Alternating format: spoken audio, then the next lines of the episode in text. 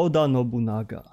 Jeden z najznamienitszych XVI-wiecznych japońskich dyktatorów wojskowych. Pierwszy z trzech wielkich ojców zjednoczycieli Japonii. Jest jednym z tych ludzi, którzy w swojej ojczyźnie byli, są i będą kochani po wsze czasy. W innych krajach jednak pozostają prawie całkowicie nieznani. Co wydaje się być dziwne, ponieważ Oda Nobunaga cieszy się statusem postaci tak kultowej jak Godzilla, Hatsune Miku albo Akira Kurosawa. Rok w rok jakaś wersja jego osoby gości na kartach książek, mang, w filmach aktorskich lub animowanych, serialach anime i chociażby grach wideo. Jednak kiedy zapytalibyście ludzi na ulicy, czy wiedzą kim jest Oda Nobunaga, to większość odpowiedziałaby tylko kto? Więc pora trochę zmienić ten stan rzeczy w erze, gdzie dostęp do informacji jest łatwiejszy niż kiedykolwiek. Ale ludziom często nie chce się wyciągnąć ręki po jakiekolwiek informacje. Zapraszam Was serdecznie do mojej krótkiej opowieści o tym demonicznym władcy, który przez wielu jest uznawany za wzór do naśladowania, mimo że potrafił dopuszczać się czynów gorszych niż naziści.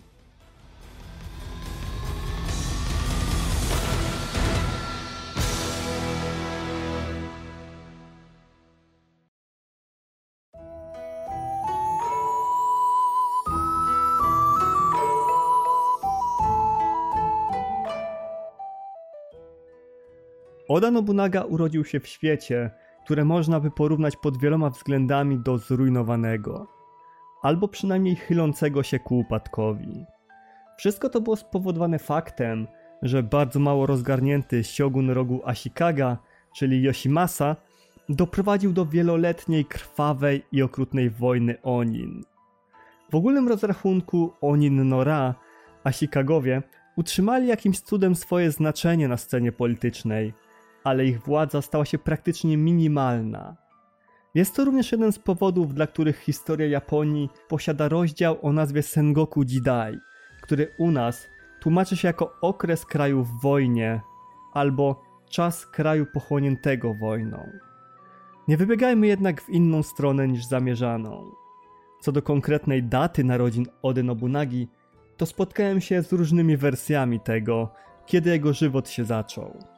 Jedni mówią, że było to dziewiątego, inni, że piętnastego, a jeszcze inni, że 23 dnia czerwca 1534 roku. Więc nie komplikując zbytnio, uznajmy, że było to po prostu w czerwcu 1534 roku. A czy będzie to jeden dzień czy drugi, rozstrzygniemy innym razem. Wiadomym faktem jest ten, że był on drugim synem Ody Nobuhide, jednego z wielkich ówcześnie potężnych zastępców wojskowych i synem Doty Gozen, szlachcianki, której historia pochodzenia została prawie całkowicie wymazana z kart historii. Do rodu Oda należała prowincja Owari, która od Kyoto była oddzielona zaledwie dwoma innymi prowincjami. Pierwsza z nich, Mino, znajdowała się w rękach klanu Saito, a druga, Omi, władana była przez ród Asai. Prowincja Owari była czymś na wzór pięknej monety z porysowaną jedną stroną. Z jednej strony znajdowała się bardzo blisko ówczesnej stolicy Japonii, co w walkach politycznych dawało dość sporo przewagi.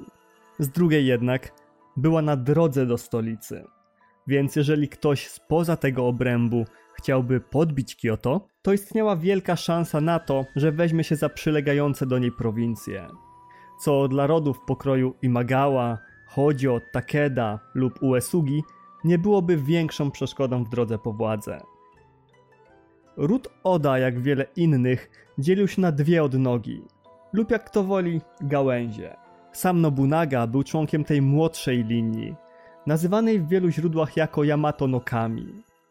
Był on też osobnikiem dość ekscentrycznym, który nie cieszył się szacunkiem pośród swoich krewnych. Przez to zyskał również przydomek Owari no Otsuke, czyli głupca z Owari. Co nie zmienia faktu, że już w młodym wieku, w momentach kiedy nie rozczarowywał swoim zachowaniem rodziny lub znajomych, potrafił roztaczać dookoła siebie aurę przyszłego przywódcy i być naprawdę przekonującym do swoich racji. Jest to również jeden z pierwszych japońskich entuzjastów broni palnej, albowiem kiedy tylko podróżnicy z Imperium Portugalskiego przywieźli ze sobą muszkiety 1543 roku na Tenagasime, to Oda Nobunaga wręcz zakochał się w tej broni. W 1549 młody Nobunaga został pionkiem w politycznej grze, która miała zapewnić członkom rodu Oda pewną namiastkę spokoju. Otóż ojciec Nobunagi, Oda Nobuhide oraz Saito Toshimasa od lat mieli ze sobą na.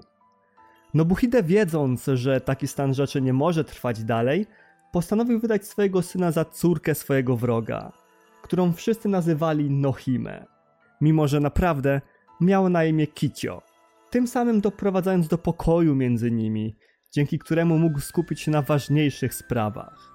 Wiele źródeł twierdzi, że małżeństwo, jak prawie każde będące gestem politycznym, nie miało za wiele wspólnego z miłością, co może potwierdzać fakt, że Nobunaga spędzał o wiele więcej czasu ze swoją konkubiną, aniżeli prawną żoną.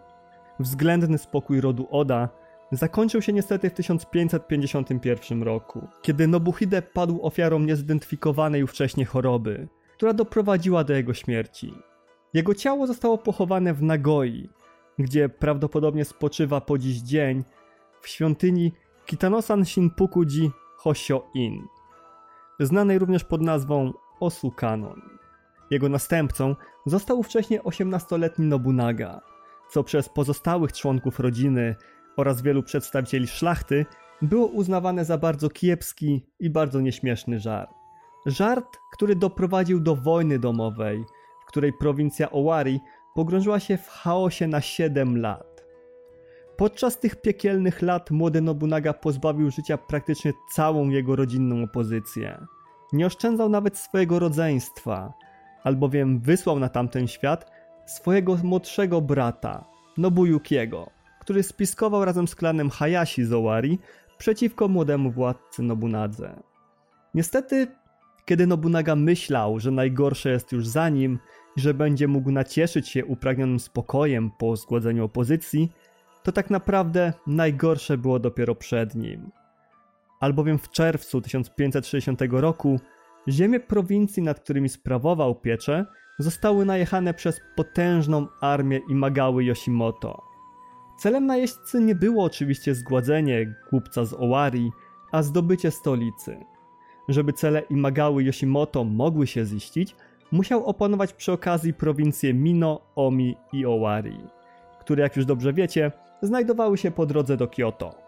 Według wielu historyków Yoshimoto miał plany na wcześniejsze przejęcie Owari, ale jego zmagania z rodem Hojo skutecznie krzyżowały mu te plany. Oda Nobunaga, pomimo że obecnie uznawany jest za wspaniałego stratega i wykutego w ogniach bitwy daimyo, ówcześnie nie posiadał prawie żadnego większego doświadczenia wojskowego.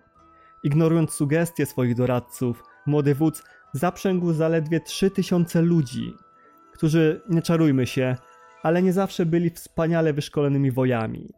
I wyruszył na spotkanie najeźdźcy. Nie chciał atakować jednak wprost, ponieważ nawet on wiedział, że taki frontalny atak skończyłby się natychmiastową klęską. Więc 22 czerwca tego samego roku, u podnóży góry Okehazama, zaatakował on znienacka obóz, w którym znajdowała się armia Yoshimoto. Przeciwnicy Ody Nobunagi byli zaskoczeni całą zaistniałą sytuacją i zanim zorientowali się, że to atak głupca z Owari, było już za późno na zorganizowanie jakiejkolwiek sensownej obrony, która mogłaby pomóc im w ocaleniu ich życia. Podczas tej batalii niezwyciężona armia rodu Imagawa została zniszczona, a sam Yoshimoto poległ na polu bitwy podczas brawurowej szarży Nobunagi. Poza oczywistym faktem zatrzymania podboju Owari oraz ostatecznie Kyoto, w bitwie pod Okehazamą uwolniono również Matsudaire Motoyasu, prawnego dziedzica prowincji Mikawa, który był przetrzymywany jako więzień po tym jak Yoshimoto zajął Mikałę po śmierci poprzedniego władcy.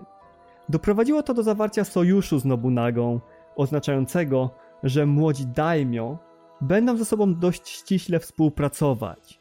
Jakiekolwiek konflikty ich rodów z poprzednich lat zostają zakopane i zapomniane. Pobudzone zmysły wojenne Ody Nobunagi dały o sobie znać już jakiś czas po wspaniałej akcji u podnóża Okehazamy. W 1561 roku Saito Yoshitatsu, czyli jeden z wrogów klanu Oda, zmarł nagle z powodu choroby, a władzę po nim przejął jego syn, Saito Tatsuoki. Korzystając z tej sytuacji, Nobunaga przeniósł swoją bazę do zamku Komaki i rozpoczął kampanię mającą celu podbicie prowincji Mino. Plany już nie tak młodego Nobunagi dotyczące inwazji na Mino były prawdopodobnie motywowane zemstą za śmierć jego teścia, Saito Dosana, którego Yoshitatsu zabił w celu przejęcia władzy nad prowincją. Niestety osoba, na której miała być dokonana zemsta, zmarła, zanim Nobunaga mógł zaatakować. W rezultacie uznał on, że spadkobierca Yoshitatsu, Tatsuoki, również skorzystał na śmierci Dosana, a tym samym był poniekąd współwinny temu wszystkiemu. Oda Nobunaga kontynuował swoje plany inwazji przez kolejne lata, z większym lub mniejszym sukcesem. Niestety, nie wiadomo, czy jego motywacją do tego działania była jedynie chęć zemsty, czy już od dawna planował przejęcie kolejnej prowincji. Oda Nobunaga organizował wyprawy na terytorium Mino w 1561 i 1563 roku, które zakończyły się krótkimi, lecz w pełni krwawymi bitwami. Zgodnie z historią miasta Gifu, Nobunaga zaatakował zamek w Inabayamie w 1564 roku, miejsce uznawaną za największą siedzibę klanu Saito. Niestety, terytorium, na jakim przyszło mu walczyć, było bardzo nieprzyjazne dla jego żołnierzy, przez co zamek był uznawany za jeden z tych nie do zdobycia. Za obronę twierdzy Saitów odpowiadał Takanaka Shigeru oraz Ando Morinari, którzy w tej bitwie spisali się wręcz wzorowo. Odpędzili siły Nobunagi, który obiecywał, że jeszcze wróci i zdobędzie ów twierdzę. Musiał jednak wymyśleć jakiś lepszy sposób na zdobycie tej twierdzy, inaczej kolejne oblężenie skończyłoby się dokładnie tak samo jak pierwsze. Podczas trwania kampanii wojennej na polu warg wyróżniał się Kinoshita Tokichiro, syn prostego chłopa o imieniu Jaemon, który pochodził z Nakamury. Piastował on stanowisko Ashigaru, czyli chłopa zatrudnionego jako żołnierza piechoty przez bogatszych od siebie. Niestety, jakiekolwiek zapiski o jego przeszłości również zostały zagubione przez czas. Więc tak naprawdę niewiele wiadomo o jego młodości, ponieważ Tokichiro sam bardzo mało o niej mówił. Był to jednak młodzian, który wspinał się powolu po szczeblach kariery i tym samym od największego Pucybuta poprzez Ashigaru stał się wojownikiem o dość niskiej randze w armii. Nie zamierzał jednak poprzestać na tym. Kiedy nadarzała się okazja, żeby wykazać się przed samym Odą Nobunagą, Kinoshita Tokichiro nie zawahał się ani chwili i podjął się jednej z misji niemożliwych. Obiecał, że podbije dla swojego pana zamek w Inabayamie. Przekupstwa wataszków, podbudzanie ludności prowincji, namawianie do dezercji lub zmiany frontu. To jedne z wielu taktyk, jakie stosował Kinoshita w drodze do swojego celu. W 1566 roku, w oczekiwaniu na kolejny wojenny ruch swojego pana, Kinoshita zaproponował budowę twierdzy rodu Oda w prowincji, którą mieli zamiar zdobyć. Zamek miał służyć jako przyczółek wojsk Ody, z którego łatwo można by wysyłać posiłki w razie zaciętych bitew lub przyjmować rannych w celu leczenia ich. Nobunaga zgodził się na ten ruch i powierzył Tokichiro to dość wymagające zadanie. Sunomata, czyli zamek rodu Oda, powstał na brzegu rzeki Sai, czyli praktycznie naprzeciwko terytorium Saitów. Budowa zamku nie przebiegała jednak bezproblemowo. W końcu bliskość fortecy wroga sprawiała, że budowniczy byli stale narażeni na ataki wojsk Saitów. Według jednej z najbardziej znanych legend, zamek Sunomata powstał tylko w ciągu jednej nocy, co miało pokazywać oddanie Tokichiro do swojego pana, od Nobunagi, oraz fakt, że jest dla niego w stanie zrobić wszystko, nawet rzeczy niemożliwe. Jak dobrze wiemy obecnie, jest to całkowicie niemożliwe. Przynajmniej w pełni. Historycy są jednak pewni, że w tej legendzie jest ziarenko prawdy. I zamiast całego zamku, w ciągu jednej nocy powstał szkielet strażnicy, która służyła jako punkt obserwacyjny dla wojsk Ody. Cała reszta natomiast powstawała stopniowo i była na początku niewidoczna dla sajtów, więc naprawdę myśleli, że zamek powstał bardzo szybko. Nobunaga, będąc pod wrażeniem działań Kinosity, mianował go zarządcą zamku, a sam Kinosita Tokichiro z czasem zmienił swoje imię i nazwisko na bardziej odpowiednie, czyli Hideyoshi Toyotomi. Ofensywa na zamek w Inabayamie była zacięta. Oda Nobunaga, wzmocniony przez siły, które zwerbował Kinosita, postanowił, że tym razem nie odpuści. Było na tyle pewny siebie, że przed samą ostateczną bitwą urządził wielkie spotkanie dowódców swojej armii i już obmyślał plany naprawy zniszczonego po bitwie zamku i oczywiście okolic. Wszystko prawdopodobnie skończyłoby się jak za pierwszym razem, gdyby nie wspomniany przed chwilą Kinosita Tokichiro. Prowadzony przez niego legion samobójców wkradł się za mury fortecy wroga, podpalił magazyny znajdujące się pod władaniem sajtów, tak samo jak i prochownie i wręcz w brawurowym stylu doprowadził do otwarcia bramy głównej w Inabayamie. A to wszystko w momencie, kiedy główne siły Nobunagi pod dowództwem Kurody Kanbeya atakowały od frontu. W tym całym zamieszaniu, nieważne jak dobrych strategów posiadałby Ruth Saito, nie było możliwości skutecznej obrony przed najeźdźcami. 27 września 1567 roku zamek Inabayama został zdobyty, a pozostali władcy prowincji Mino formalnie poddali się Nobunadze. A w Shincho-koki, czyli kronice Ody Nobunagi, którą opracowano na podstawie zapisków Oty Gyuichiego, wykreślono informację o tym, że młody władca nigdy nie zdobył zamku w Inabayamie. Oda poczuł smak zwycięstwa, co tylko rozbudziło jego apetyt na podbój. Od Kyoto oddzielała go już tylko prowincja Omi. Jego imię wręcz rozbrzmiewało w całej Japonii. W końcu w tak młodym wieku dowodził już dwiema prowincjami, co było naprawdę godne podziwu. Nobunaga otrzymał również list od samego cesarza Ogimaciego, w którym został on poproszony o pomoc w przywróceniu chwały rodowi potomków Amaterasu. Rodzina cesarska wraz z włościami popadła w ruinę. Utrzymywała się jedynie ze sprzedaży swoich wierszy, co doprowadziło do absurdu, jakim było odkładanie koronacji z powodu braku pieniędzy na wykonanie ceremonii. W 1568 roku do głównej siedziby Ody na zamku Inabayama przybył Ashikaga Yoshiaki, brat zamordowanego w roku 1565 sioguna Yoshiteru. Błagał on Nobunagę o pomoc w zemszczeniu się na odpowiedzialnych za morderstwo, którego sprawcami byli ludzie z rodu Hosokawa. Pragnął on również obalenia obecnego rządzącego sioguna Yoshide. Było to bardziej niż na rękę Nobunadze. Niezwłocznie zebrał swoją armię i ruszył do stolicy. Wszystko przebywało prawie bez większych problemów, aż do czasu spotkania klanu Rokkaku, dowodzonego przez Rokkaku Yoshikate, który słysząc pogłoski, że Yoshiaki miałby zostać nowym shogunem, postanowił powstrzymać armię Nobunagi przed dotarciem do Kyoto. W ramach odwetu za tę zniewagę, Nobunaga wystosował bardzo szybki i skuteczny atak na twierdzę klanu. Zakończyło to jakiekolwiek przeciwstawianie się klanu Rokkaku i doprowadziło do wygnania ich z podległych im ziem. 9 listopada 1568 roku Oda Nobunaga wkroczył do Kyoto. Po zajęciu miasta przez siły Nobunagi, ludność cywilna jak i szlachta byli zaskoczeni dyscypliną, jaką wykazywały wojska młodego wodza. Po raz pierwszy od lat mieszkańcy stolicy nie musieli martwić się o swoje życie. Yoshide został wypędzony z miasta, a na nowego, 15 sioguna siogunatu Ashikaga desygnowano Yoshiakiego. Nobunaga publicznie deklarował swoją wierność i szacunek dla sioguna. Zafundował mu nawet nowy wspaniały pałac, którego budowy osobiście pilnował i który swoim rozmachem miał sugerować, że nadchodzą nowe, lepsze czasy. Prywatnie jednak było zupełnie inaczej.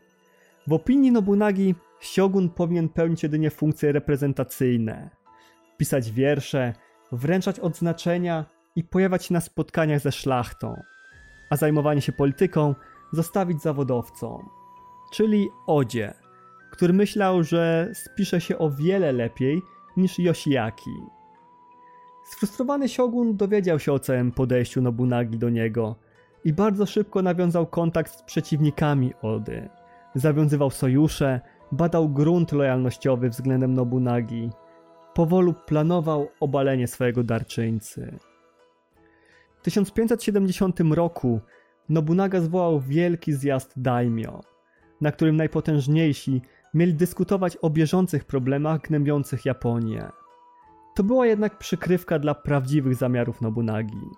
Całe to zebranie miało na celu sprawdzenie, którzy z wielkich feudalnych władców mogliby ewentualnie wspierać Nobunagę, a którzy stanęliby mu na przeszkodzie, gdyby nagle chciał podbić inne prowincje celu zjednoczenia całej Japonii i oczywiście powiększenia swojego imperium. Jak wielkie musiało być jego zdziwienie, gdy okazało się, że szwagier Nobunagi, Asai Nagamasa, ostatecznie sprzymierzył się z Asakurą Yoshikage przeciwko niemu. W czerwcu 1570 roku doszło do bitwy pomiędzy Nobunagą a obydwoma aliantami pod Anagałą. W walce tej Asakura i Asai zostali pokonani. Jednak niespodziewany atak na wojska Nobunagi, który został przypuszczony przez mnichów wojowników z klasztoru Enryakuji, sprawił, że dowódcy sojuszu Asai Asakura uszli z życiem. Rozwścieczony Nobunaga zwrócił swój gniew przeciwko zakonnikom z góry Hiei. Jako, że żołnierze Ody odczuwali opory przed atakowaniem przybytku przez wielu uznawanego za święte miejsce, Nobunaga był zmuszony do oskarżenia mnichów z Enryakuji o brak wiary, czynienie zła i oddawanie się rozpuście. Jak każda plotka, tak i te oskarżenia rozniosły się jak choroba, przez co coraz więcej osób przestało wierzyć w świętość Enryakuji. Charyzma Nobunagi zrobiła ostatecznie swoje, a co za tym idzie, 30 sierpnia 1571 roku wojownicy ruszyli ze swoim wodzem na Enryakuji, nie obawiając się kary od bogów za zbezczeszczenie świętości. Zaczynając oblężenie u podnóża góry Hiei, wspinali się ku świątyniom znajdującym się powyżej. Wściekłość Nobunagi nie znała granic. Nakazał on palić i niszczyć wszystko, co znajdowało się na drodze. Zupełnie jakby zło zawładnęło jego sercem i umysłem. Mordowano wszystkich, od prostych wieśniaków poprzez szlachtę na ludziach świeckich kończąc. Kapliczki bóstw były zrównane z ziemią, ofiary im składane zabierano i nie brano żadnych jeńców, nawet tych błagających o życie w imię Bogu. Był to moment, kiedy góra Hiei spływała krwią pokonanych, co sprawiło, że Oda Nobunaga zyskał nowy przedomek demonicznego władcy, który nie cofnie się przed niczym, żeby osiągnąć założony przez siebie cel, oraz którego gniew jest o wiele gorszy niż to, co może spotkać człowieka na samym dnie piekła. Przeciwnicy Nobunagi byli jednak jak hydra. Kiedy odciął jedną głowę, na jej miejsce pojawiała się kolejna. Jego największym, nowym wrogiem stała się teraz sekta Ikko, kierowana przez Ishiyame Hoganji. Główna siedziba sekty Ikko upadła dopiero w 1581 roku. Po dziesięcioletnim oblężeniu jej, przeprowadzanych do tego momentu walkach, jak i zasadzkach na członków sekty. Co ciekawe, Nobunaga zamiast zabijać swojego przeciwnika z zimną krwią, poprosił cesarza Ogimaciego o mediację w tym sporze. Wynikiem czego, poddając się Obunadze, Ishiyama Hogandzi mógł zachować twarz, powołując się oczywiście na wolę boga potomków Amaterasu. Wróćmy jednak jeszcze do 1572 roku. Takeda Shingen postanowił wyłamać się z sojuszu, jaki stworzyli lata temu i wyruszył na ziemię Tokugały Ieyasu, który po przegranej obronie swoich włości schronił się w zamku Hammatsu. Chcąc rozwiązać ten konflikt jak najbardziej pokojowo, Nobunaga próbował dyplomacji, żeby przemówić Takedzie Shingen do rozumu. Niestety nie przyniosło to żadnych skutków. Walka miała trwać dalej. A przynajmniej tak się wydawało do pewnego momentu, który był jak boski wiatr podczas inwazji Mongołów na Japonię. Otóż podczas atakowania kolejnej części ziem należących do Tokugały został on ranny. Mowa oczywiście o Takedzie Shingen. W wyniku czego poniósł śmierć kończącą cały ten konflikt. Niektórzy mówią, że doznał rany podczas jednej z bitew, a inni, że padł ofiarą strzelca częcego się w lesie, który czekał jedynie na to, aż Takeda Shingen będzie sam, żeby móc zaatakować. Niestety, ale historia nie jest w stanie potwierdzić żadnej z tych wersji. W roku 1573 Nobunaga postanowił przestać ukrywać swojej nienawiści do sioguna Yoshiakiego, którego spiskowania zaczęły być jak drzazga w palcu i wygnał go ze stolicy. W tym samym roku ostatecznie zniszczył klany Asakura i Asai, co całkowicie zakończyło jakiekolwiek knowania tych dwóch klanów. Po śmierci Shingena władzę nad klanem Takeda przejął jego syn, Katsuyori, który szybko wdał się z Tokugawą Ieyasu w spór o pograniczny zamek Nagashino.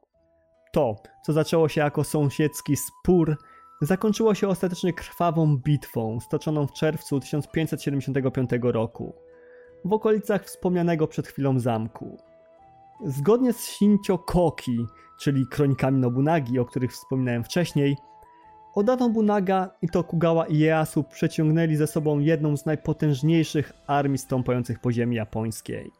38 tysięcy wojowników, zaczynając od Ashigeru, na samurajach kończąc, marszowało do Mikały, żeby podbić zamek Nagashino. Zwycięstwo w tej bitwie nie było jednak łatwe i było możliwe tylko dzięki temu, że Nobunaga zastosował ówcześnie rewolucyjną technikę kontrmarszów, dzięki której muszkieterzy mogli atakować szarżujących wojowników klanu Takeda nieprzerwaną ścianą ognia. Rozstawił on również drewniane palisady na polu walki, co utrudniało wojownikom Takedy poruszanie się i sprawiało, że stawali się łatwym celem dla 10 tysięcy Ashigeru, władających Tenagashimami. Zgodnie z zapiskami, prawie całe wojsko Takedy Katsuyori zostało zabite, łącznie z większą częścią z jego 24 generałów. Po klęsce pod Nagashimo, ród Takeda wegetował jeszcze przez jakieś 6 lat. Do momentu, gdy w roku 1581 Włości zostały zaatakowane przez 170-tysięczną armię Nobunagi Tokugały i rodu Hojo. W obliczu takiej potęgi Katsuyori podjął próbę ucieczki. Został jednak złapany i zabity. Tym sposobem zakończyły się dzieje rodu Takeda. W roku 1577 konserwatywny Uesugi Kenshin postanowił rzucić wyzwanie aroganckiemu i łamącemu wszelkie zasady Nobunadze, stając się tym samym kolejnym władcą, który zerwał przymierze z klanem Oda. Zaatakował ród Cio, któremu na pomoc pośpieszył Oda. Tym razem jednak Nobunadze nie dopisało szczęście. Kiedy przybył na miejsce, okazało się, że jego sojusznicy zostali już pokonani, a gdy doszło do starcia pomiędzy nim a Uesugim Kenshinem, poniósł on sromotną porażkę i musiał ratować się ucieczką. Uesugi Kenshin dobrze znał okolice, w których dojść miało do bitwy. Ostateczne starcie, nazwane bitwą pod Tedorigałą, odbywało się blisko rzeki Tedori w prowincji Kaga. Kenshin, wiedząc o tym, że Nobunaga będzie chciał używać te Negashimy, specjalnie wybrał okolice rzeki jako pole bitwy. Podczas starć nakazał zniszczenie lub otwarcie śluz znajdujących się na rzece, co w połączeniu z obfitymi deszczami, które towarzyszyły bitwie, sprawiło, że używanie Tenagasim było praktycznie skazane na niepowodzenie. Szczęście uśmiechało się jednak do Nobunagi, albowiem w następnym roku przywódca klanu Uesugi zmarł z powodu krwotoku wewnętrznego wywołanego przez raka przełyku.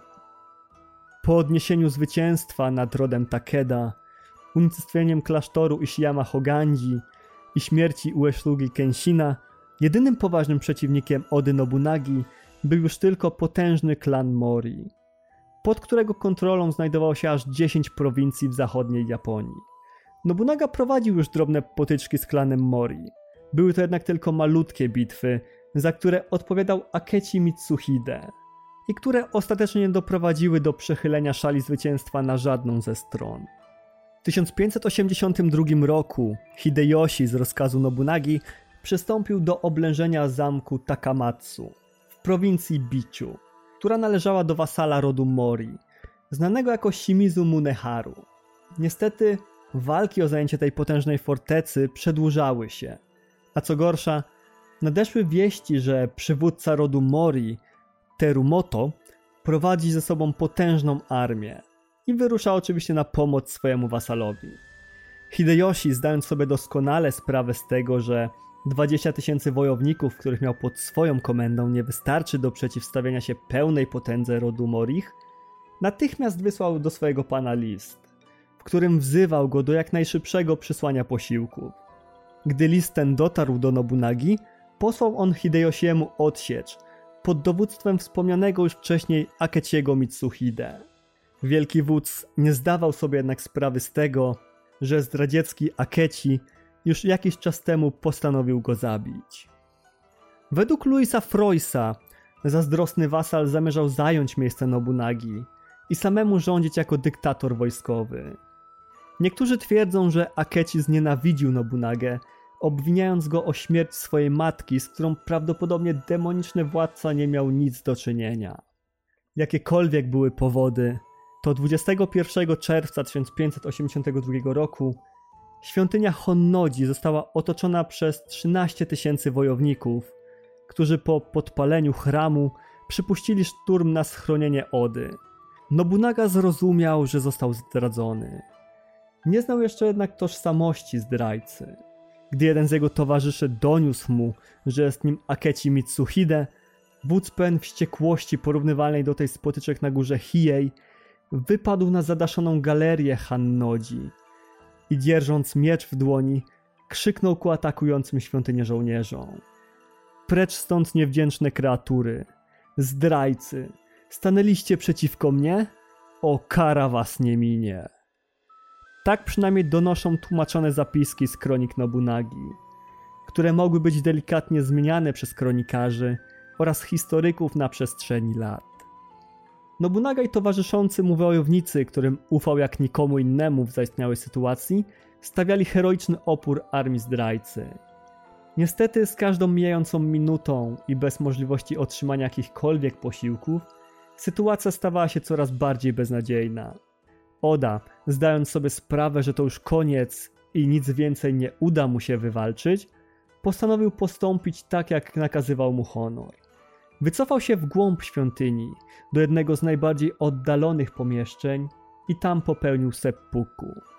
Dla tych, którzy nie są zaznajomieni z tym obrzędkiem, to pragnę wyjaśnić, że seppuku to rytualne samobójstwo, polegające na rozcięciu sobie brzucha, gdzie zgodnie z tradycją japońską mieści się dusza. Seppuku miało być dowodem niewinności samobójcy i sprawiało, że wszystkie występki zostały mu wybaczane. Według zapisków w kronikach Nobunagi, jego ostatnimi słowami były Ran, nie pozwól nikomu przestąpić progu. Były one skierowane do Moriego Ranmaru, wiernego sługi Ody Nobunagi, który strzegł swojego pana aż do śmierci.